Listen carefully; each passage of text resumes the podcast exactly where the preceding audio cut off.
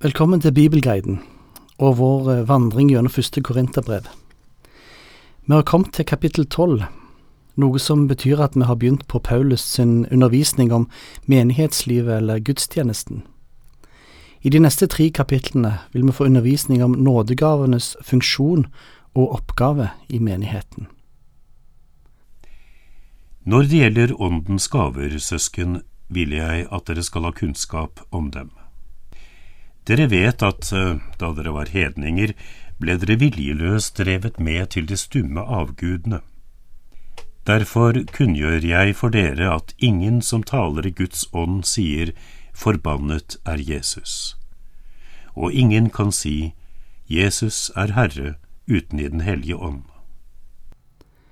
Var det noe korinterne mente de hadde kunnskap om, så var det de åndelige gaver. Derfor er det på mange måter et slag i ansiktet at Paulus må undervise deg om nettopp de åndelige gaver.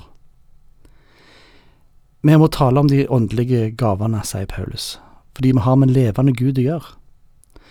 Før tilba korinterne de stumme guder, de som ikke hører når vi ber, de som ikke taler, de som ikke handler. Når de bekjenner Jesus som Herre, har de fått en relasjon til den levende Gud. Guds ånd bekjenner Jesu frelse. I denne lille setningen så finner vi òg treenigheten. Bekjennelsen om Jesus som Herre og Frelser, som Messias, er tegnet på at en har Den hellige ånd. Noen sier at det, en må oppleve noe overnaturlig eller tale i tunge for at Den hellige ånd viser sitt nærvær i et menneske. Men her ser vi at Paulus løfter fram bekjennelsen som et tegn på Den hellige ånds nærvær i en kristen. Vi får del i Den hellige ånd når vi kommer til tro, og ingen kan tro uten at Den hellige ånd overbeviser vedkommende om loven og evangeliet. Det er Den hellige ånd som kaller mennesket til tro, og når en i dåpen døpes i Faderen, Sønnen og Den hellige ånds navn, så tar Den hellige ånd bolig i den troende. Hovedoppgaven til Den hellige ånd er å lede mennesket til tro, bevare den kristne i troa ved Guds ord, men Den hellige ånd utruster òg den troende i tjeneste overfor andre mennesker i menigheten, men òg utenfor menigheten, og denne utrustningen kalles nådegaver. Det er forskjellige nådegaver, men Ånden er den samme. Det er forskjellige tjenester, men Herren er den samme. Det er forskjellige kraftige virkninger, men Gud er den samme, Han som er virksom og gjør alt i alle. Den hellige ånd gir gaver til forskjellige tjenester. Det er den samme ånd som utruster alle. Det finnes derfor ikke forskjellige ånder som vi tilber for å gi oss sine spesielle gaver. I den tjeneste vi har, så tjener vi den samme Herre. Derfor er det ikke noe konkurranse mellom kristne. Det er ikke sånn at jeg må få tjene på bekostning av noen andre. Nei, vi tjener ikke forskjellige herrer som er i konkurranse med hverandre. Det er én herre. Derfor er vår tjeneste òg parallell. Det er forskjell på kraftige virkninger òg, men det er Gud som gjør sin gjerning i de alle, både i de små og i de store tjenestene. Igjen er det verdt å merke seg at treenigheten kommer til syne i disse tre versene. Ånden er den samme, Herren Jesus er den samme, og Gud er den samme. Den hellige ånd gir gaver ettersom hva som trengs, hva som kan tjene. Gavene gis til de troende med den primære hensikt å tjene andre. Hos hver enkelt gir Ånden seg til kjenne slik at det tjener til det gode. For ved én og samme ånd blir det gitt en å tale visdom, en annen å formidle kunnskap, en får ved den ene ånd en spesiell trosgave, en annen får nådegaver til å helbrede, og en får kraft til å gjøre under. En får den gave å tale profetisk, en annen å bedømme ånder, en får ulike slag av tungetale, og en annen kan tyde tungetale. Alt dette gjør den ene og samme ånd som deler ut sine gaver til hver enkelt slik han vil. For Paulus var det ikke noe poeng å lage ei liste over nådegaver, men han vil vise en bredde. Disse gavene kom ifra den samme ånd, de kom ifra Gud. Det fins ingen andre kilder. Det fins heller ikke andre måter å tilegne seg de åndelige gaver enn å få de av Guds ånd. En gave gitt i nåde, ikke basert på prestasjoner eller fortjenester. Derfor heller ingen grunn til skryt eller sjølhevdelse på bakgrunn av sine nådegaver. Gud deler de ut etter sitt ønske. Han gir de gaver som trengs til den tid han ønsker, alt etter hvordan han ønsker å bruke den kristne i tjeneste for seg. Han er Herren òg over nådegavene. Det er ikke våre gaver. De tilhører menigheten, de tilhører Han. Vi kan bruke vår kropp som eksempel, eller illustrasjon, på hvordan Gud gir sine nådegaver og setter oss inn i forskjellige tjenester. Slik kroppen er én selv om den har mange lemmer, og alle lemmene utgjør én kropp enda de er mange, slik er det også med Kristus. For med én ånd ble vi alle døpt til å være én kropp, enten vi er jøder eller grekere, slaver eller frie, og alle fikk vi én ånd å drikke. For kroppen består ikke av én kroppsdel, men av mange. Om nå foten sier, fordi jeg ikke er hånd, hører jeg ikke med til kroppen, så er den like fullt en del av den. Om øret sier, fordi jeg ikke er øye, hører jeg ikke med til kroppen, så er det like fullt en del av den. Hvis hele kroppen var øye, hvor ble det da av hørselen? Hvis det hele var hørsel, hvor ble det av luktesansen? Men nå har Gud gitt hvert enkelt lem sin plass på kroppen slik han ville det. Hvis det hele var én kroppsdel, hvor ble det da av kroppen? Men nå er det mange kroppsdeler, men bare én kropp. Øyet kan ikke si til hånden Jeg trenger deg ikke, eller hodet til føttene Jeg har ikke bruk for dere. Tvert imot. De delene av kroppen som synes å være svakest, nettopp de er nødvendige.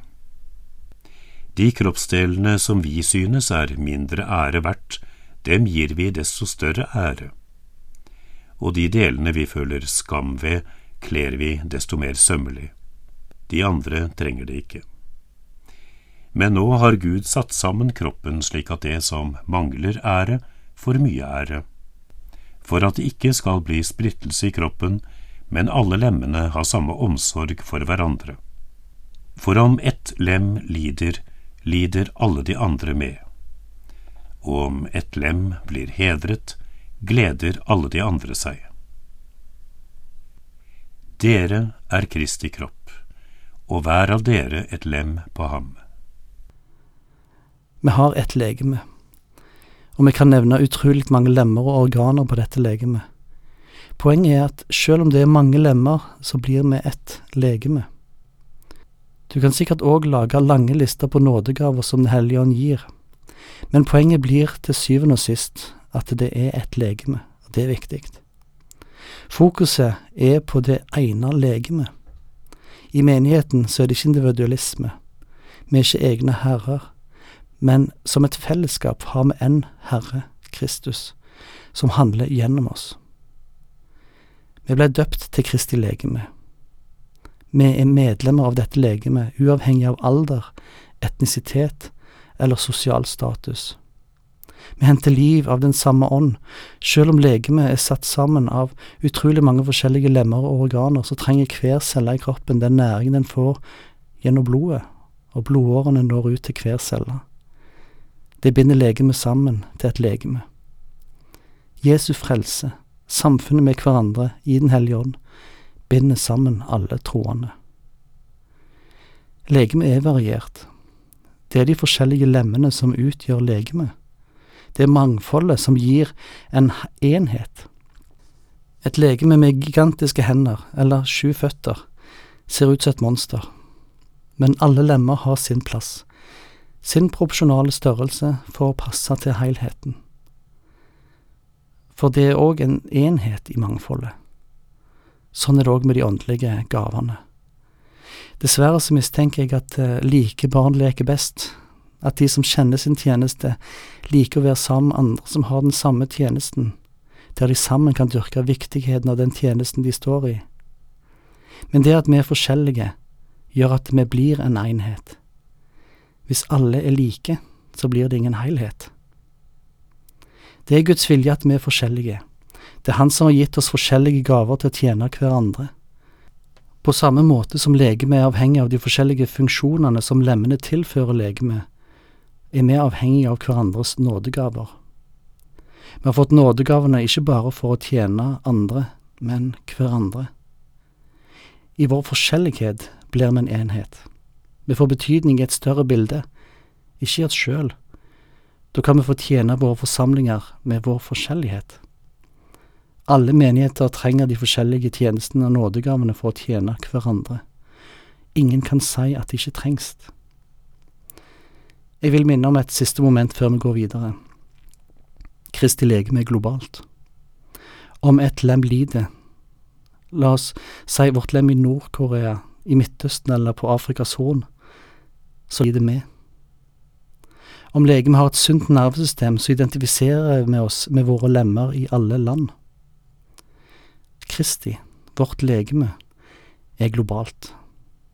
Derfor kan vi ikke heller si til immigranter her i Norge at siden du ikke er norsk, så trenger vi deg ikke i vår forsamling. Og immigranten her i Norge må ikke si siden jeg ikke er norsk, så hører jeg ikke til denne menigheten. Kristi ene legeme er flerkulturelt. Men la oss lese de siste versene av kapittelet. I kirken har Gud for det første satt noen til apostler, for det andre profeter, for det tredje lærere, deretter mektige gjerninger, deretter nådegaver til å helbrede, til å hjelpe, til å lede og til ulike slag tungetale. Er vel alle apostler? Er alle profeter? Er alle lærere? Gjør vel alle under? Har alle nådegaver til å helbrede? Taler alle i tunger? Kan alle tyde tungetale? Men vær ivrige etter å få de største nådegavene. Og jeg vil vise dere en enda bedre vei. Vi finner forskjellige funksjoner i menigheten. Apostler, profeter, lærere, kraftige gjerninger, nådegave til helbrede, hjelpe, styre og ulike slag tunger. Det er vel åpenbart med bildet om legeme at ikke alle har samme funksjon og tjeneste i menigheten. Ikke alle skal være like. Men vi blir bedt om å streve etter de beste eller største nådegavene. Hvilken nådegave er det? Det må være den nådegave som er mest tjenlig der hvor han er. Det er stor sannsynlighet for at det, er den nådegaven som fellesskapet mangler, som vi skal være ivrige etter å få. Paulus avslutter med å gi et hint om en bedre vei som han har lyst til å vise oss. Den største nådegaven, kan han si, som overskygger og, og gjennomsyrer alle nådegavene. Det skal vi lese om i neste episode av Bibelguiden.